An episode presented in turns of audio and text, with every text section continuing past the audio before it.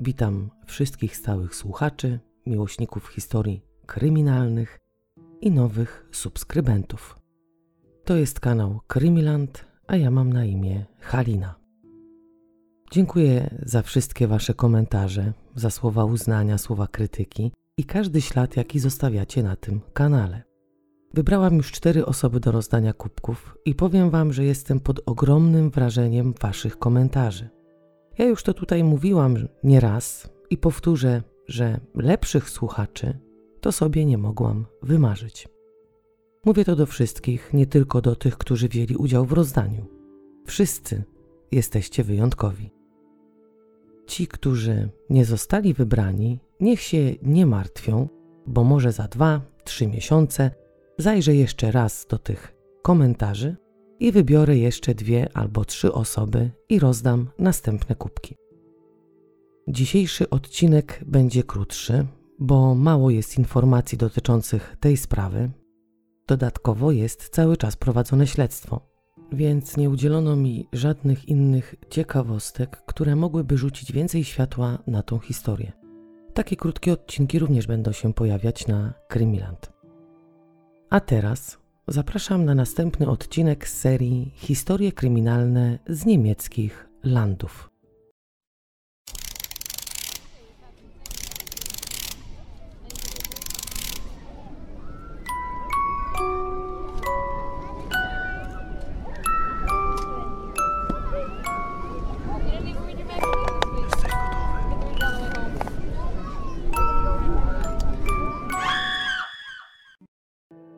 Dziś zabieram Was do Hermsdorf, małego miasteczka położonego we wschodniej Turyngii.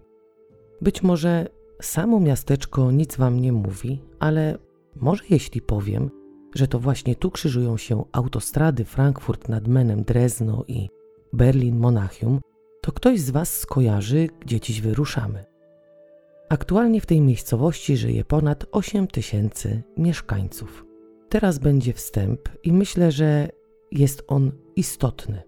Nie będę mówiła na samym początku dlaczego, ale jeśli ktoś nie chce słuchać, to odsyłam do, mówiąc potocznie, czasówki, która znajduje się pod opisem filmu.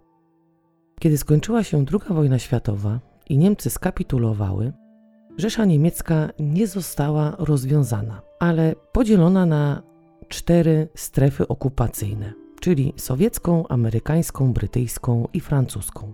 A co za tym idzie, Berlin również został podzielony na takie cztery sektory. W taki sam sposób postąpiono z Austrią i Wiedniem. Ten podział nie trwał długo, ponieważ z powodu napięcia, jaki panował między wschodem a zachodem, ja to wszystko mówię w wielkim skrócie, w 1949 roku założono dwa przeciwstawne państwa niemieckie, czyli RFN i NRD. Po stronie zachodniej ludzie żyli, można powiedzieć, normalnie, a po stronie wschodniej panowała dyktatura. I pomimo iż słowo demokracja pojawiała się w imieniu państwa, to NRD z pewnością nie było demokratyczne. Władza polityczna uważała się za socjalistyczną i określała się jako państwo chłopskie i robotnicze. Jednak ani te chłopy, ani robotnicy nie mieli nic do gadania, ponieważ rządziła tylko i wyłącznie jedna, jedyna partia i losy ludzi spoczywały w jej rękach co to oznaczało. Nie było wolnych wyborów, a o wolności słowa można było pomarzyć. Teraz każdy może mówić to, co chce, może się sprzeciwiać temu, co narzuca państwo, można pisać elaboraty na temat prezydentów, partii, tworzyć ośmieszające memy, na, na których głównymi bohaterami są znienawidzeni politycy twórcy tego dzieła, i to wszystko zależy od tego, kogo ten artysta nie lubi. Nic mu nie grozi, Najwyżej zostanie zhejtowany w internecie, ale swoje zdanie wyrazi. No może jeszcze ktoś go pozwać do sądu. Ale nie wiem i nie słyszałam o, takich, o takiej sytuacji, gdzie głównym sporem w sądzie mógłby być jakiś tam mem. Wówczas tak jak w NRD, tak i w Polsce każdy miał niewidoczne lejce i kaganiec. Także ludzie nie mogli zbytnio zaszaleć, bo jeśli, nie daj Boże, ktoś plotkował na tematy niewygodne dla rządzących, czy też zagrażających interesom państwa, to ci plotkujący byli prześladowani i często trafiali za to do więzienia. Dziś nazwalibyśmy to teoriami spiskowymi, czy też mówieniem prawdy. Wszystko zależy oczywiście od tego, w co wierzymy i jakie argumenty nas przekonują. Ale za czasów ustroju komunistycznego nazywało się to propagandą szeptaną. Także nie można było sobie tak oficjalnie obrabiać czterech liter tej jednej, jedynej partii. Ci, którzy pamiętają czasy PRL-u, wiedzą, że kolejki nikogo nie przerażały i były częścią życia każdego człowieka. Podobnie było w NRD. Propaganda mówiła o tym, że w sklepach jest wszystko, ale nie zawsze i nie wszędzie. Główną zasadą, którą się wszyscy kierowali, było hasło rozpowszechniane przez ludzi. Najpierw kolejka, potem pytaj, co jest do kupienia. Nikt nie lubi dyktatury i dyktowania mu tego, co ma robić i jak żyć. W związku z tym wielu ludzi uciekało na zachód i żeby powstrzymać uciekinierów, władcy NRD w sierpniu 1960 roku zamknęli granice z RFN, wznieśli mur berliński i wydali rozkaz strzelania do tych, którzy będą próbowali uciekać. To sprawiło, że ludziom żyło się jeszcze gorzej i te wszystkie działania podzieliły rodziny, bo przykładowo ktoś miał matkę i ojca, którzy mieszkali w zachodniej części Berlina, a on studiował po stronie wschodniej. No to już nie mógł od tak sobie wrócić. Siedział więc po tej stronie, po której nie chciał siedzieć. NRD po stracie obywateli nie chciało wypuszczać tych, którzy tak naprawdę nigdy nie zamieszkiwali tej części Niemiec, więc jeśli taki student chciał wrócić do domu, to nie miał innego wyjścia jak ucieczka. Wielu ludzi wówczas straciło życie. Po pokojowej rewolucji w 1989 roku NRD przestało istnieć. Rok później, 3 października 1990 roku, Niemcy się zjednoczyły. No i można by było powiedzieć, że pewni ludzie odetchnęli z ulgą i żyli szczęśliwie w demokratycznym państwie. No ale w listopadzie 1989 roku, kiedy granice zostały otwarte, chodzi mi o granice dzielące Niemcy na dwa państwa, ludzie masowo uciekali na zachód. Zachowywali się tak, jakby nie wierzyli w to, że to całe NRD przestało istnieć, więc wykorzystywali okazję i uciekali. Często nie zabierali ze sobą niczego, czyli zaczynali po zachodniej stronie kompletnie od zera. Wielu uciekało na własną rękę, ale byli też tacy, którzy płacili grube pieniądze za pomoc w tych ucieczkach. Prawdę mówiąc, nie powinno się to nazywać ucieczką, bo przecież granic już nie było. Ale ci, którzy żegnali stare życie, mówili tylko i wyłącznie o ucieczce. Wśród tych, którzy wyjeżdżali na zachód, było wiele matek i ojców, którzy porzucali swe dzieci. Te dzieciaki zostawiane były w różny sposób. Albo było tak, że rodzic mówił dziecku, stojąc z nim na ulicy: Poczekaj tu, ja zaraz wrócę. Dziecko czekało, a matki albo ojca ani widu, ani słychu. Było też tak, że dzieci zostawiane były również w domach. 14 listopada, zaledwie pięć dni po otwarciu granic, Policja Ludowa znalazła trzech chłopców w wieku 3, 5 i 8 lat. Dzieci zostały znalezione w mieszkaniu w Berlinie. Nikt nie mógł powiedzieć, jak długo ta trójka była sama. Najstarszy z nich relacjonował później, cytuję: Mamusia wyszła w sobotę o wpół do jedenastej. Zostawiła nam kartkę, pisząc na niej, gdzie są ubrania i że śniadanie włożyła do szafki. Było tam osiem kanapek, ale wszystkie zjedliśmy. Dzieci czekały na mamusię, a mamusia już dawno po zachodniej stronie. Chłopcy w końcu z powodu głodu, jaki odczuwali, zwrócili na siebie uwagę sąsiadów, a ci zawiadomili policję ludową. Tak jeszcze wówczas nazywano przedstawicieli prawa, pomimo to, że NRD już nie istniało. Inną poruszającą serce historią jest los pięcioletniego Marka, którego rodzice również uciekli na zachód. To był początek grudnia 1989 roku, kiedy matka i ojciec postanowili nagle się spakować i wyjechać. Zabrali dzieci, owszem, ale jego najmłodszego zostawili, ponieważ nie mieli w aucie więcej miejsca.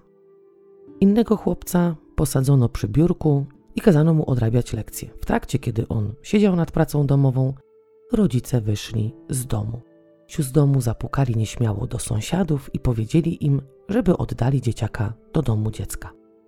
Inna matka, z którą dziennikarze się skontaktowali, a ona była już po stronie zachodniej, i pokazali jej najmłodszego syna zalanego łzami, tęskniącego za rodzicielką, powiedziała, że nie weźmie syna, ponieważ kiedy był w przedszkolu, to sprawiał problemy. Był uparty, a już takim decydującym momentem było to, że kiedy wróciła po niego do tego domu dziecka, to syn pełen złości i rozpaczy krzyknął jej, że nie chce jej widzieć.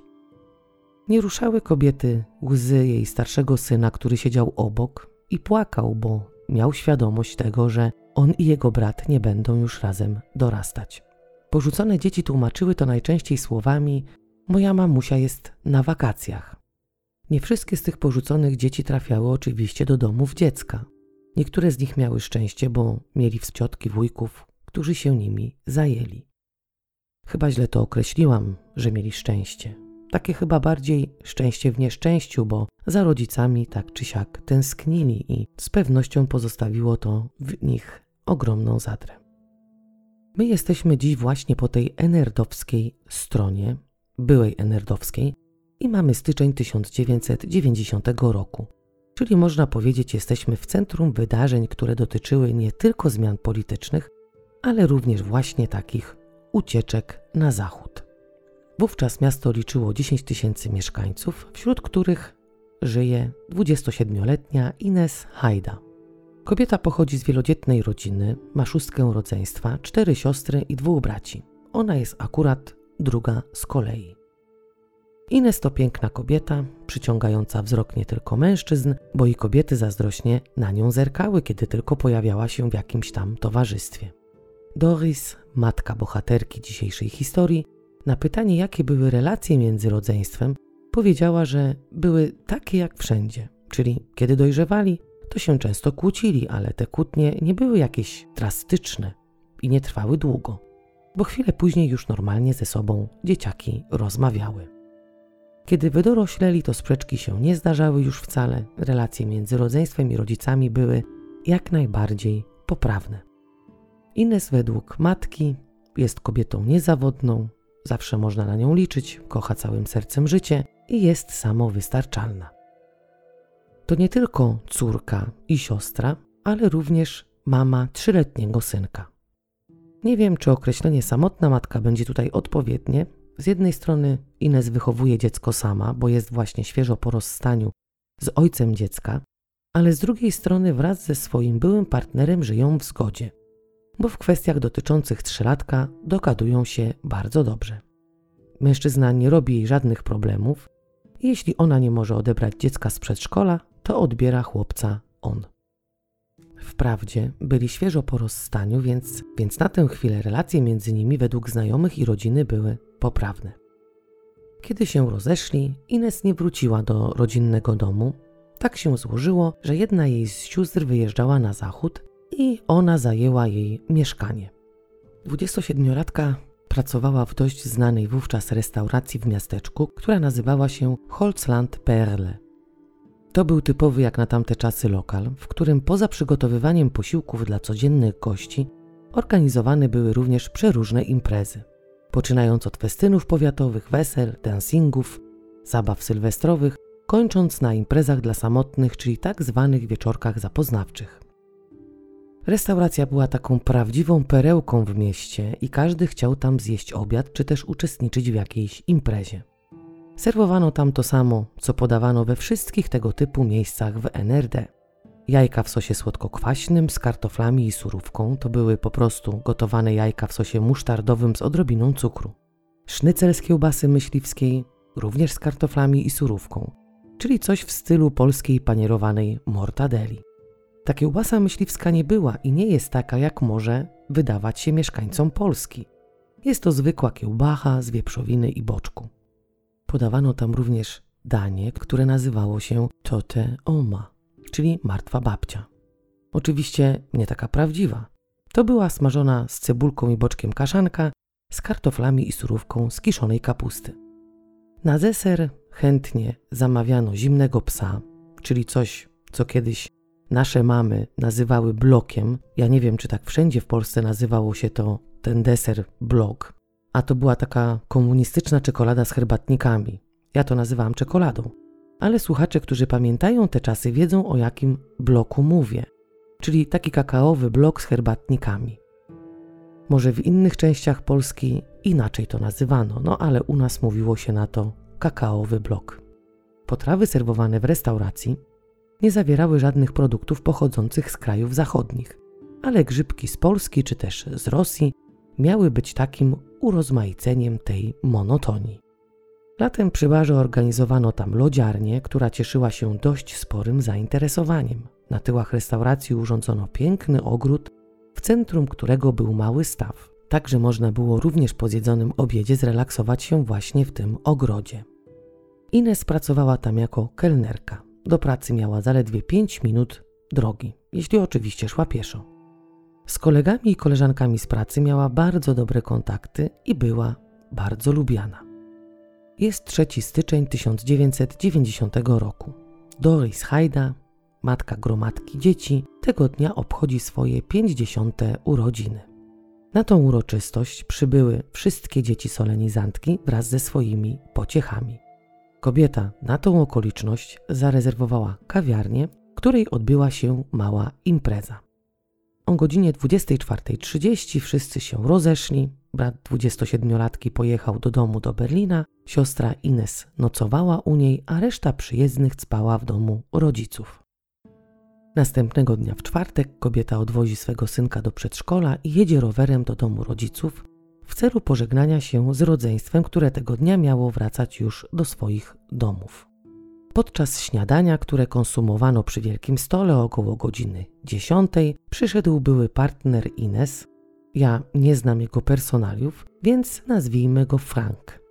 Jak już wcześniej mówiłam, kontakty tej dwójki nie były napięte, starali się żyć jak przyjaciele, jednak tym razem Frank przyszedł zdenerwowany, ponieważ jego była nie zabrała wszystkich rzeczy z jego mieszkania.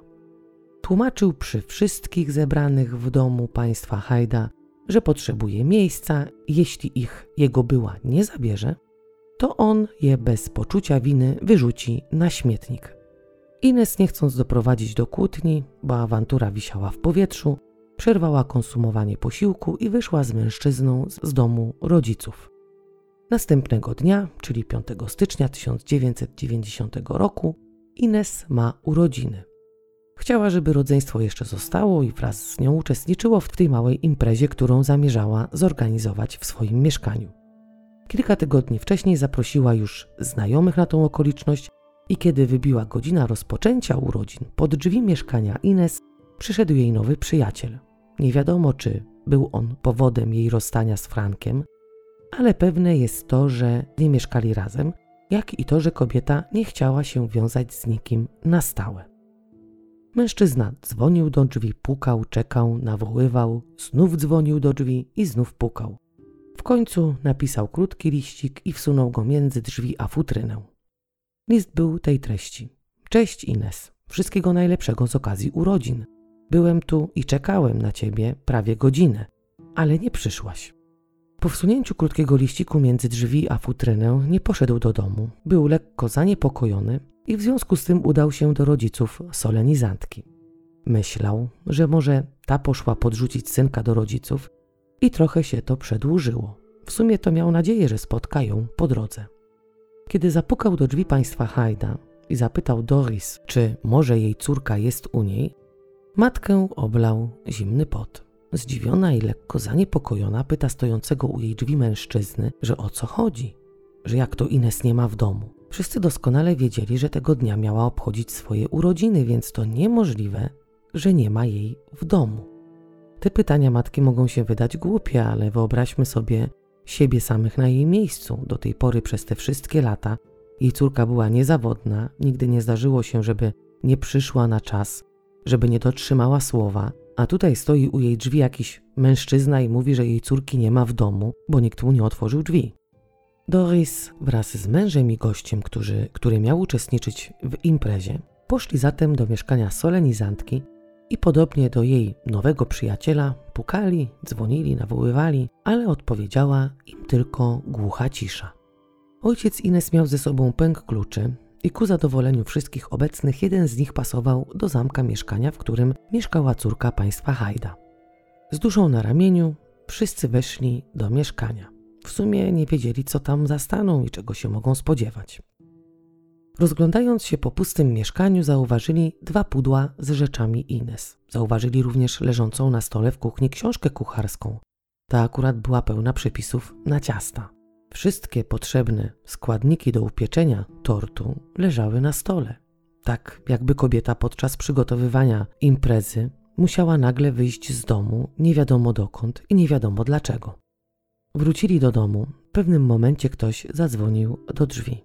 Okazało się, że to był Frank, który głosem pełnym wyrzutów zapytał, dlaczego ich córka nie odebrała synka z przedszkola. Nie wiem, w jaki sposób dowiedział się o tym, że dziecko nie zostało odebrane. Może pomimo ustroju, jaki panował, miał już telefon w domu, a może któraś z opiekunek przyprowadziła do niego chłopca. Powiadomił rodziców swej byłej, że dziecko z 4 na 5 stycznia nocowało u niego, ponieważ Ines chciała się przygotować na imprezę urodzinową, napiec ciast i przyrządzić jakieś tam przekąski. 5 stycznia to on zaprowadził synka do przedszkola, ale tego dnia to matka miała go odebrać. Te informacje dla Doris były jak kubeł zimnej wody.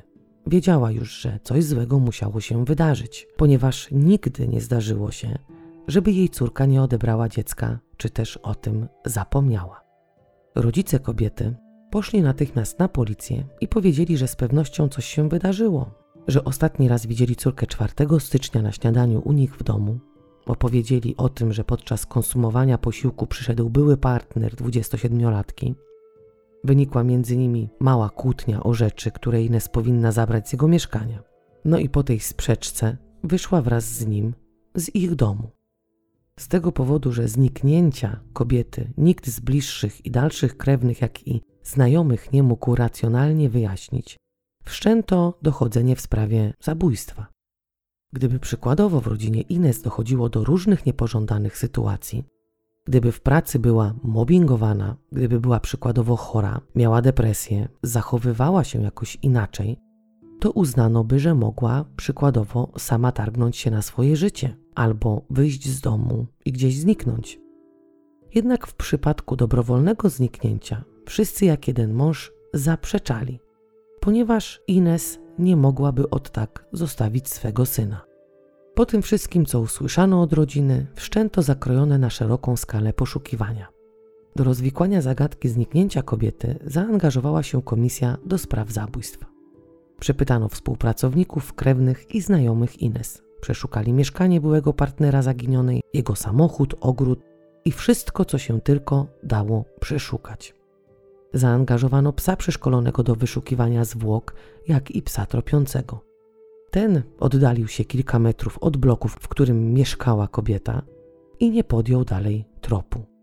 W międzyczasie przeprowadzono wywiad wśród sąsiadów Ines i wśród sąsiadów jej byłego partnera. Pytano w przedszkolu, do którego uczęszczał syn zaginionej kobiety. Pytano również w miejscu pracy. I pomimo, iż zaginiona była kelnerką, wielu stałych klientów nie znało jej twarzy. Podczas tych czynności wezwano na przesłuchanie Franka, ponieważ on jako ostatni widział Ines całą i zdrową.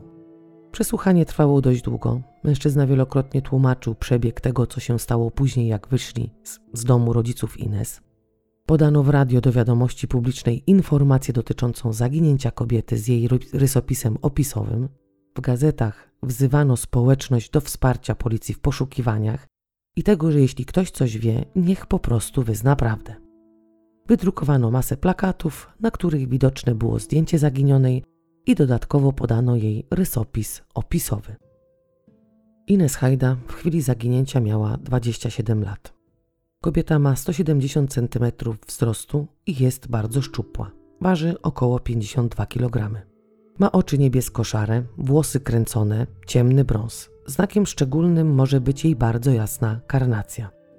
Kobieta miała przy sobie szarą torbę z rzeczami osobistymi, gotówkę, klucze i dowód osobisty z dawnego NRD. Ubrana była w czarną bawełnianą kurtkę, zieloną bawełnianą sukienkę z czarno-czerwonymi napisami, czarne półbotki z wkładkami ze skóry wężowej i metalowymi ćwiekami po bokach. Jeśli ktoś widział Ines Hajda 4 stycznia po godzinie 12.45, proszony jest o skontaktowanie się z posterunkiem policji. Bardzo bliskie okolice miasteczka, porośnięte były wówczas lasami, były przeszukane przez policjantów. ale do przeszukania nie użyto helikoptera z kamerą termowizyjną.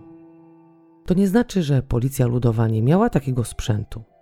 No ale żeby go użyć do poszukiwań, musiałoby zaginąć dziecko albo jakiś minister, bo otrzymanie wsparcia do poszukiwań zwykłego obywatela nie było łatwe. No chyba, że bliscy zaginionej znali kogoś wyżej postawionego, kto mógłby zarządzić poszukiwanie za pomocą właśnie helikoptera wyposażonego w kamerę termowizyjną. Także lasy znajdujące się w okolicach Helmsdorf nie zostały przeszukane tak, jakby się mogło to wydawać. Dzięki podjętym działaniom Krypo mogło odtworzyć przebieg dnia, kiedy rodzice widzieli córkę po raz ostatni.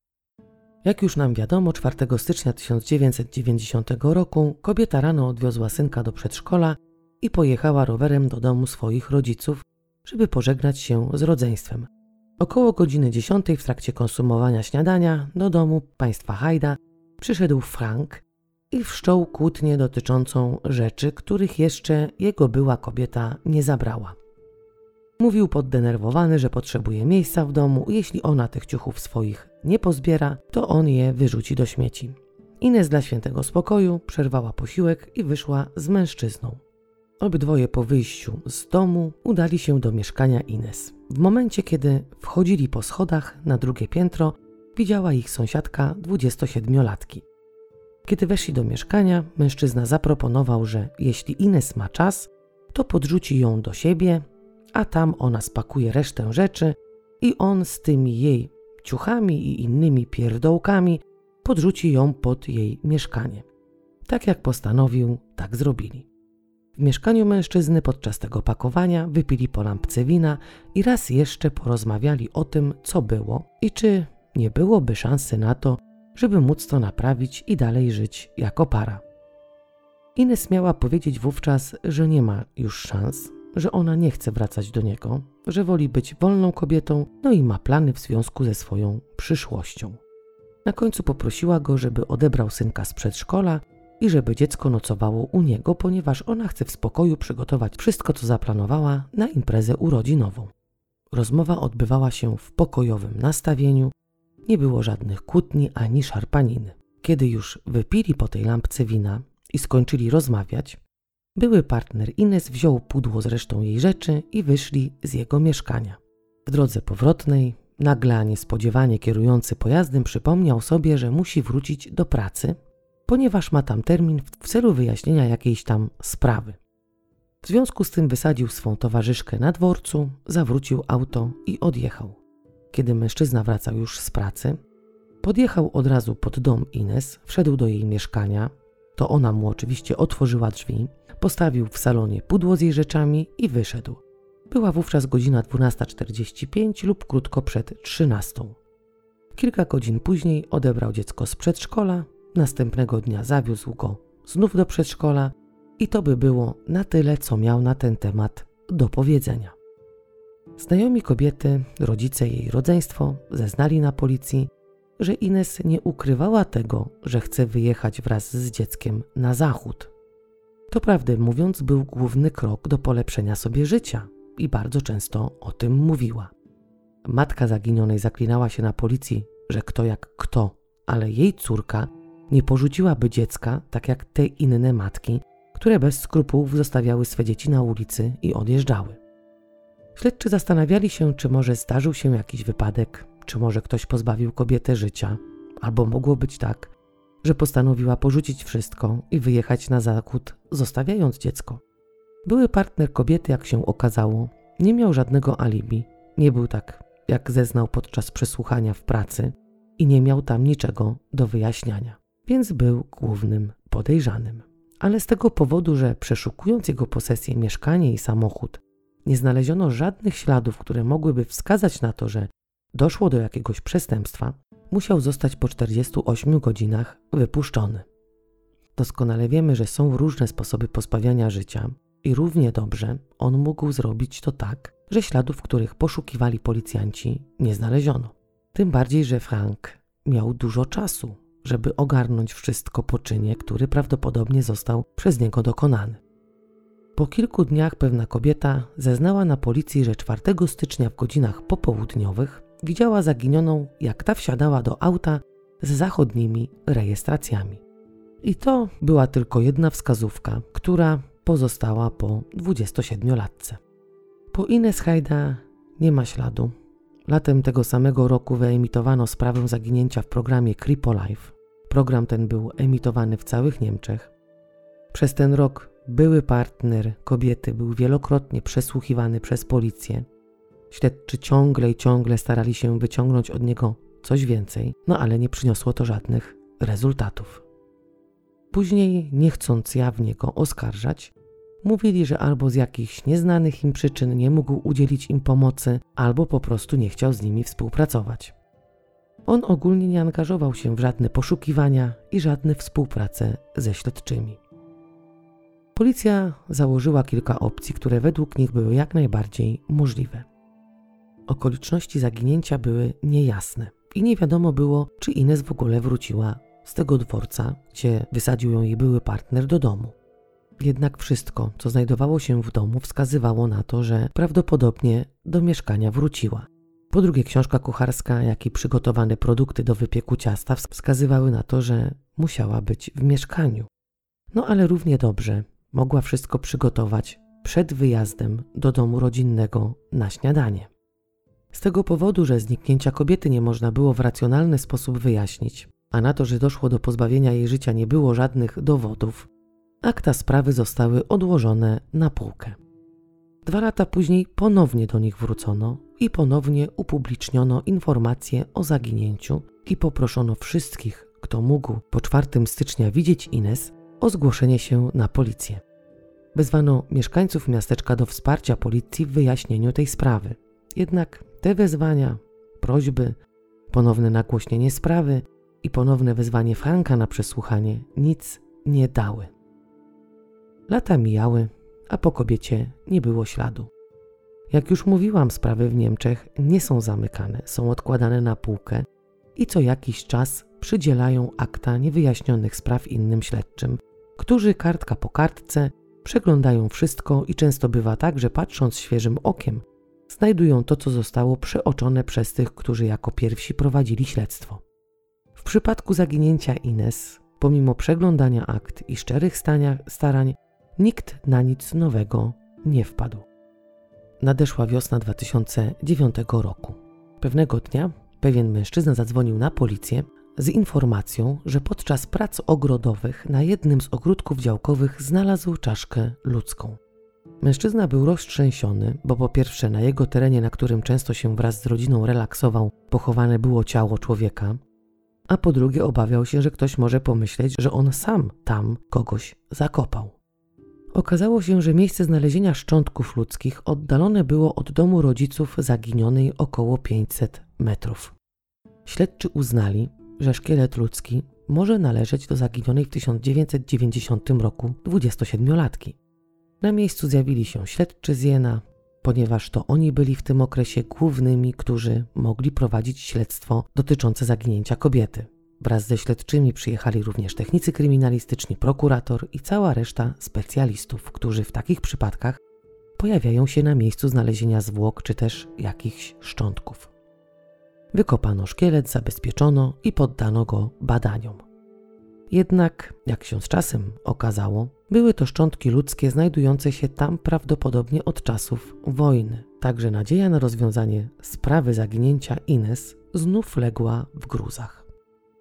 Akta ponownie odłożono na półkę i zajęto się sprawami pilniejszymi. W 2011 roku Doris Hajda wystąpiła w dwóch programach emitowanych w telewizji MDR. Tam opowiadała o zaginięciu swego dziecka, o tym, że ciągle liczy na to, iż ta sprawa się wyjaśni. Miała nadzieję, że dzięki jej wystąpieniu ktoś, kogo może ruszy sumienie, odezwie się i powie, gdzie znajduje się jej córka i co tak naprawdę wydarzyło się 4 stycznia 1990 roku.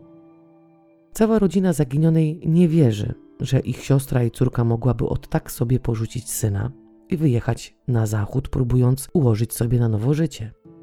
Doris przez lata nie mogła przespać spokojnie nocy. Ciągle zastanawiała się nad tym, co stało się z jej córką. Wprawdzie ona jako jedyna jest przekonana, że ktoś pozbawił jej dziecko życia i ten ktoś żyje sobie dalej na wolności, prowadzi normalne życie i nie poniósł żadnych konsekwencji. W 2013 roku matka Ines wyraziła zgodę na opublikowanie sprawy dotyczącej zaginięcia jej córki, ale tym razem wydała zgodę na ujawnienie wszystkich danych ludzi, którzy wówczas mieli z nią kontakt. Jednak i to nie dało żadnych pozytywnych rezultatów. Kobieta wraz z pozostałymi dziećmi postanowiła w swoim ogrodzie postawić symboliczny kamień, który upamiętnia jej córkę. Teraz przynajmniej ma miejsce, w którym może odwiedzić swe dziecko.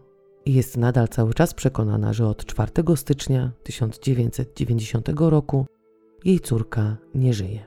Doris jest cały czas w kontakcie z byłym głównym śledczym Hansem Thiers, który jako pierwszy prowadził śledztwo w tej sprawie. A sam Hans, który już od dawna jest na emeryturze, udziela się jak może i wspomaga śledczych w wyjaśnieniu tego zagadkowego zaginięcia. Matka Ines chętnie współpracuje z policją i jeśli jest taka potrzeba, rozmawia z nimi. Uważa, że stare sprawy nie są istotne dla śledczych, nie przykładają do nich szczególnej wagi i nie są one odpowiednio finansowane przez państwo. Hans, emerytowany śledczy, nie zgadza się z teoriami matki. Mówi, że w każdej niewyjaśnionej sprawie śledczy mają, mówiąc potocznie, wolną rękę i zielone światło. Jednak jeśli mowa o Ines, to nie wiedzą tak naprawdę od czego zacząć. Jest kilka opcji, które mogą utrudniać wyjaśnienie tej sprawy. Ines mogła równie dobrze poznać kogoś, komu przeszkadzał jej malutki syn, i ten ktoś mógł przykładowo mieć spore możliwości do tego, żeby móc spokojnie rozpocząć życie po stronie zachodniej. Ines mogła wówczas porzucić dziecko, otrzymać nową tożsamość i żyć gdzieś z nowym partnerem, nowym dzieckiem i prowadzić nowe życie. Mogło dojść do przestępstwa, którego sprawcą mógł być jej były partner, i może nawet nie mamy świadomości, że policja z jakichś nieznanych nam przyczyn nie aresztowała mężczyzny. Przecież nie miał alibi, był ostatnim, który widział ją żywą, ale może miał jakieś znajomości gdzieś u tych wyżej postawionych, że sprawa nie mogła zostać wyjaśniona. Mogło również dojść do wypadku, albo ktoś z obcych dokonał idealnej zbrodni. W 2016 roku powołano specjalną komisję, której zostały przydzielone stare nierozwiązane sprawy. Śledczy początkowo skupili się na trzech starych przestępstwach dotyczących dzieci. Opracowano strategię przeglądania opasłych tomów akt. Przepisano ponad 3000 stron i wówczas poddano je wszystkie nowej ocenie. Skupiali się tylko na dowodach. Tam, gdzie były luki w informacjach, wszystko zostało odrzucone i wówczas rozpoczynano ponowne śledztwo. Od 2016 do 2020 udało się im rozwiązać trzy, mogłoby się wydawać, beznadziejne sprawy i skazać sprawców. Akta Ines są również w posiadaniu tej komisji, więc istnieje nadzieja, że sprawa zostanie w końcu rozwiązana i wyjaśni się to, nad czym od dziesięcioleci główkowali inni śledczy. W 2017 roku w programie MDR ponownie poruszono sprawę zaginięcia kobiety. Po wyemitowaniu materiału nie pojawiły się żadne nowe tropy, ale przed emisją redaktor otrzymał wskazówkę, która dość mocno obciążyła byłego partnera zaginionej kobiety. Dziennikarze oczywiście przekazali ten trop policji. Minęły 32 lata od momentu, kiedy Doris widziała córkę ostatni raz i nie miała pojęcia, że już nigdy więcej jej nie zobaczy. Policja we współpracy z telewizją odświeżyła sprawę zaginięcia Ines, mając nadzieję, że któryś ze świadków w końcu przemówi, tak jak stało się to w sprawie Lolity Briga. W tej sprawie po 30 latach odezwał się świadek, który naprowadził śledczych na trop. Tam też wszyscy wiedzieli, kto stoi za zaginięciem ciężarnej dziewczyny, ale nikt nie mógł doprowadzić do aresztowania mężczyzny. Stało się to dopiero po 30 latach. Jednak pomimo starań śledczych i prokuratora, nie skazano go na długie lata więzienia i zaraz po zakończeniu procesu wyszedł z sali rozpraw jako wolny człowiek. Takie sprawy, które zostają wznowione po 20 czy 30 latach, są trudne. Nie jest łatwo udowodnić danemu sprawcy, że działał z premedytacją, bo ciało denata czy też denatki nie może zbyt wiele w tym temacie powiedzieć i jeśli sprawca w sądzie ciągle i ciągle mówi, że to był wypadek, że działał pod wpływem emocji albo nic nie mówi, a odpowiada za niego adwokat, to istnieje ryzyko, że sąd bez większych dowodów nie uzna czynu za działanie z premedytacją, tylko weźmie pod uwagę słowa oskarżonego i nie będzie mógł już go skazać. Sprawa zaginięcia Ines Hajda przypomina ciągle niewyjaśnioną sprawę Doroty Gałuszka-Granieczny. Kobiety, która, która według męża po kłótni, do której między nimi doszło, wyszła z domu, wsiadła do auta jakiegoś mężczyzny i odjechała. Pomimo szczerych starań, pomimo działań policji, przeszukania domu posesji, przeprowadzenia przesłuchań, nie udało się wyjaśnić tego, czy kobieta gdzieś nadal żyje poza granicami Niemiec, czy też ktoś pozbawił ją życia. Jeśli chodzi o Ines Hajda i to, że w 2017 roku redaktor otrzymał wskazówki obciążające byłego, jej byłego partnera, może nic nie znaczyć. Od otrzymania tych informacji minęło 5 lat i sprawa nadal nie została wyjaśniona. Często rodziny zaginionych nie chcą czy też nie potrafią zrozumieć, że zaginięcie nie musi się równać od razu z przestępstwem. Znane są przypadki, kiedy bliscy ciągle zaprzeczają temu, że ich córka lub syn, mąż, żona mogliby uciec, porzucić dotychczasowe życie, bo nic na to nie wskazywało, a zaginiony odnajdywał się po 20 czy 30 latach z ułożonym na nowo życiem i nadal nie chciał mieć kontaktu z rodziną, ani wyjaśnić tego, dlaczego tak postąpił. Ja teraz nie mówię o tym, że Ines uciekła, że w jej rodzinie działy się straszne rzeczy, że była nieodpowiedzialną matką, która pewnego dnia uznała, że Dziecko to obciążenie, a ona chce zacząć żyć na nowo. Nie mówię tego, bo nie wiem, co się wydarzyło, ale myślę, że po tych wszystkich przesłuchaniach, po tych nagłaśnianiach sprawy, w końcu ktoś by się odezwał.